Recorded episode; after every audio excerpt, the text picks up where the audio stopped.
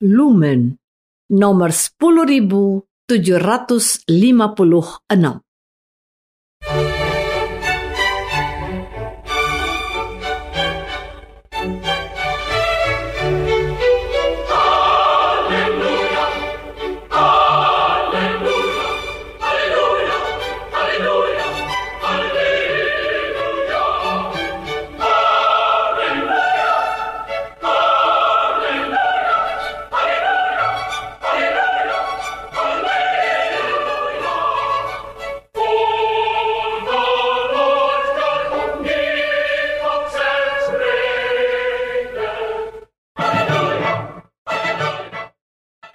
Saudara pendengar di segenap penjuru tanah air, selamat bergabung dengan Lumen Indonesia.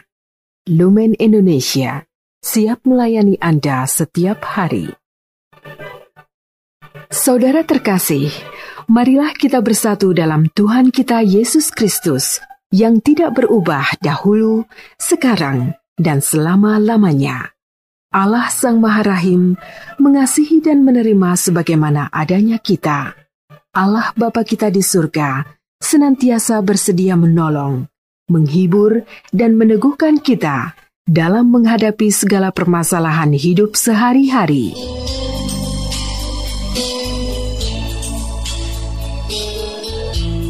Saudara-saudari, marilah kita mendengarkan renungan dengan judul Percaya dan Mujizat.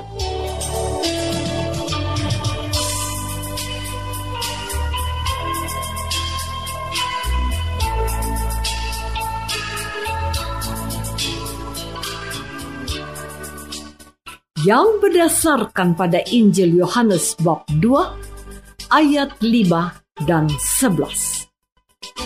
Tetapi Ibu Yesus berkata kepada pelayan-pelayan, "Apa yang dikatakan kepadamu, buatlah itu." Hal itu dibuat oleh Yesus di Kana, Galilea, sebagai yang pertama dari tanda-tandanya dan dengan itu ia telah menyatakan kemuliaannya dan murid-muridnya percaya kepadanya.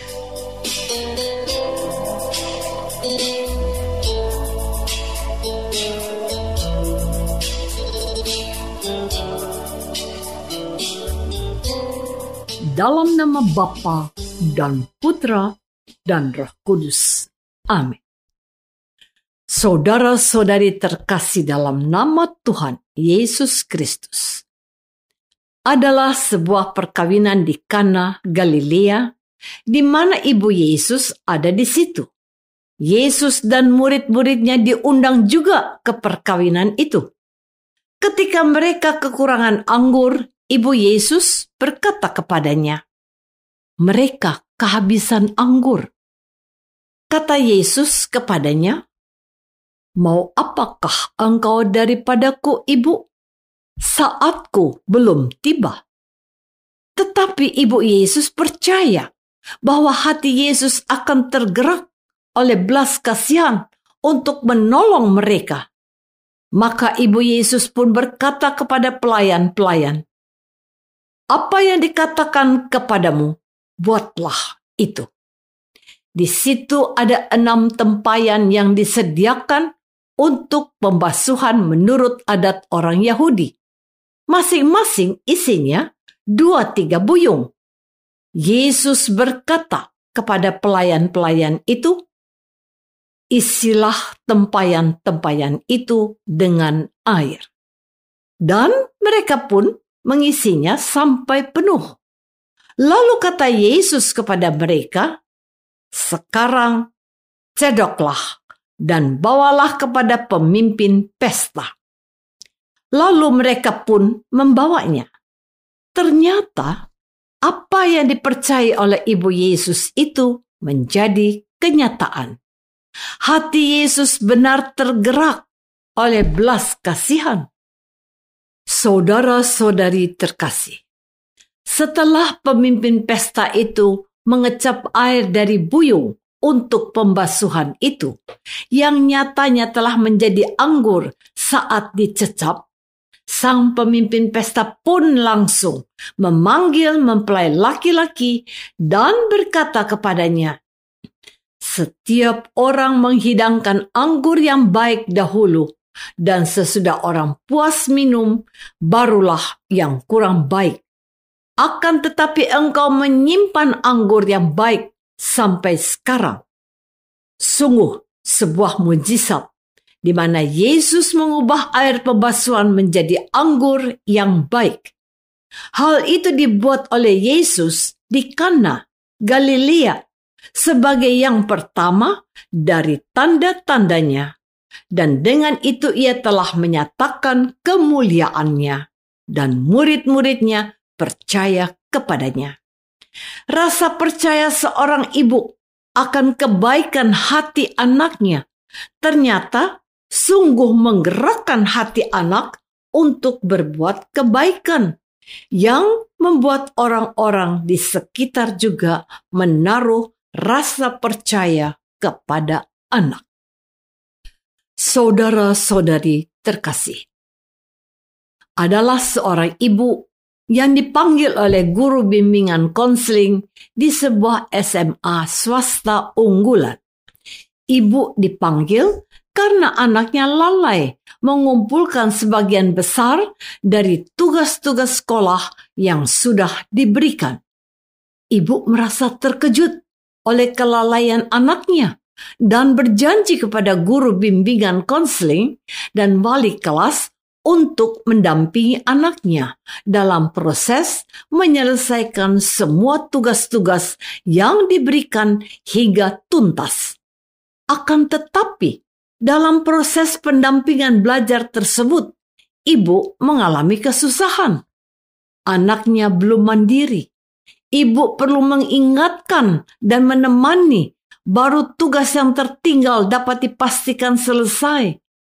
Batas waktu yang sempit untuk menyelesaikan sekumpulan tugas yang banyak serta sikap guru yang menempatkan anaknya sebagai pasien dan menuntut orang tua untuk segera mencari bantuan ahli dalam menyelesaikan permasalahan belajar yang dihadapi anaknya, tentu saja membuat ibu merasa semakin tertekan. Ibu merasa tidak berdaya. Ibu merasa kasihan dengan anaknya. Namun, lama-kelamaan, ibu juga merasa kelelahan dan kesal dengan sikap anaknya yang sering lalai dalam belajar. Saudara-saudari terkasih, ibu itu sadar bahwa ia tidak dapat bertekun mendampingi anaknya untuk mengembangkan tanggung jawab bila mana ia sendiri bersikap sebagai korban. Lambat laun, ia pasti akan menyalahkan anaknya sebagai penyebab dari kesusahan hatinya. Maka ibu pun memilih untuk mengambil jarak sejenak dari anaknya. Ia menarik nafas panjang dan menghembuskannya pelan-pelan. Nafas panjang teratur membantu ibu melepaskan ketegangannya.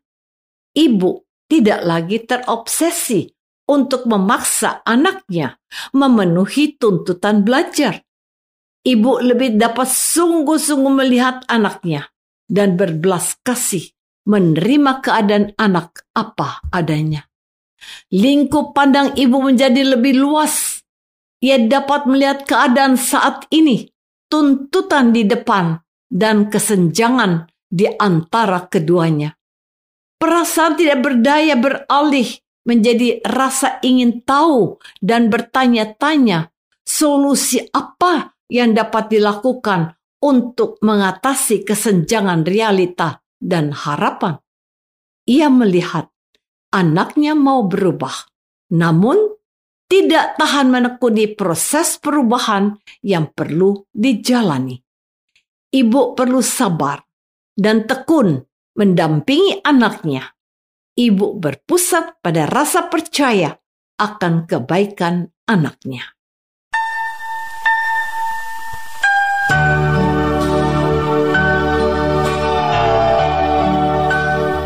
Saudara terkasih, marilah kita masuk dalam saat hening sejenak untuk meresapkan renungan yang baru saja kita dengar bersama dalam kehidupan iman kita masing-masing.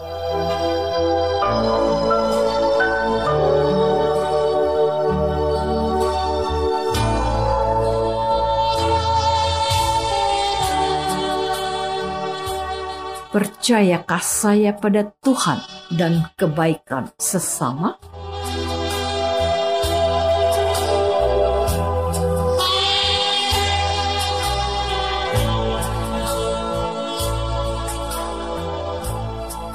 Marilah kita berdoa.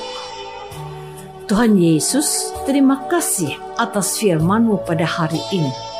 Kami sadar bahwa kami belum sungguh-sungguh percaya untuk berserah diri pada penyelenggaran ilahi. Kami juga masih meragukan kebaikan sesama. Tanpa sadar, kami pun tidak percaya akan keluhuran jati diri kami. Kami serahkan segala ketakutan dan keraguan dalam hati ini. Izinkan kami mengalami penyelenggaraan ilahi. Amin. Semoga kita semua selalu dinaungi dan dibimbing oleh berkat Allah yang Maha Kuasa, Bapa dan Putra dan Roh Kudus. Amin.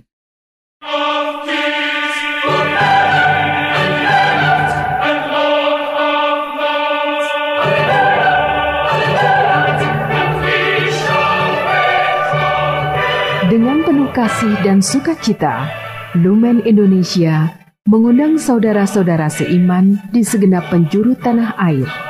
Sekiranya ada tanggapan ataupun saran, kirimkan surat Anda ke Lumen Indonesia. Terima kasih atas perhatian Anda. Sampai berjumpa lagi dengan Lumen Indonesia pada waktu dan gelombang yang sama esok hari.